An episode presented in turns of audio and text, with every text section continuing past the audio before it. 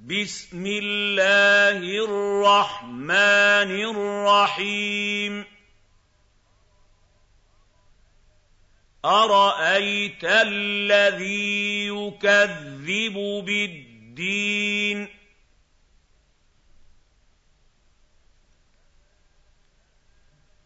فذلك الذي يدع اليتيم. ولا يحض على طعام المسكين.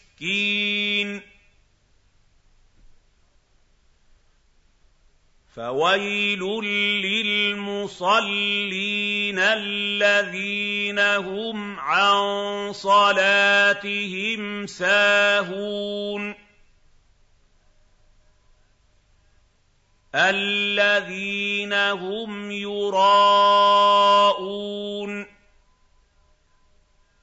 ويمنعون الماعون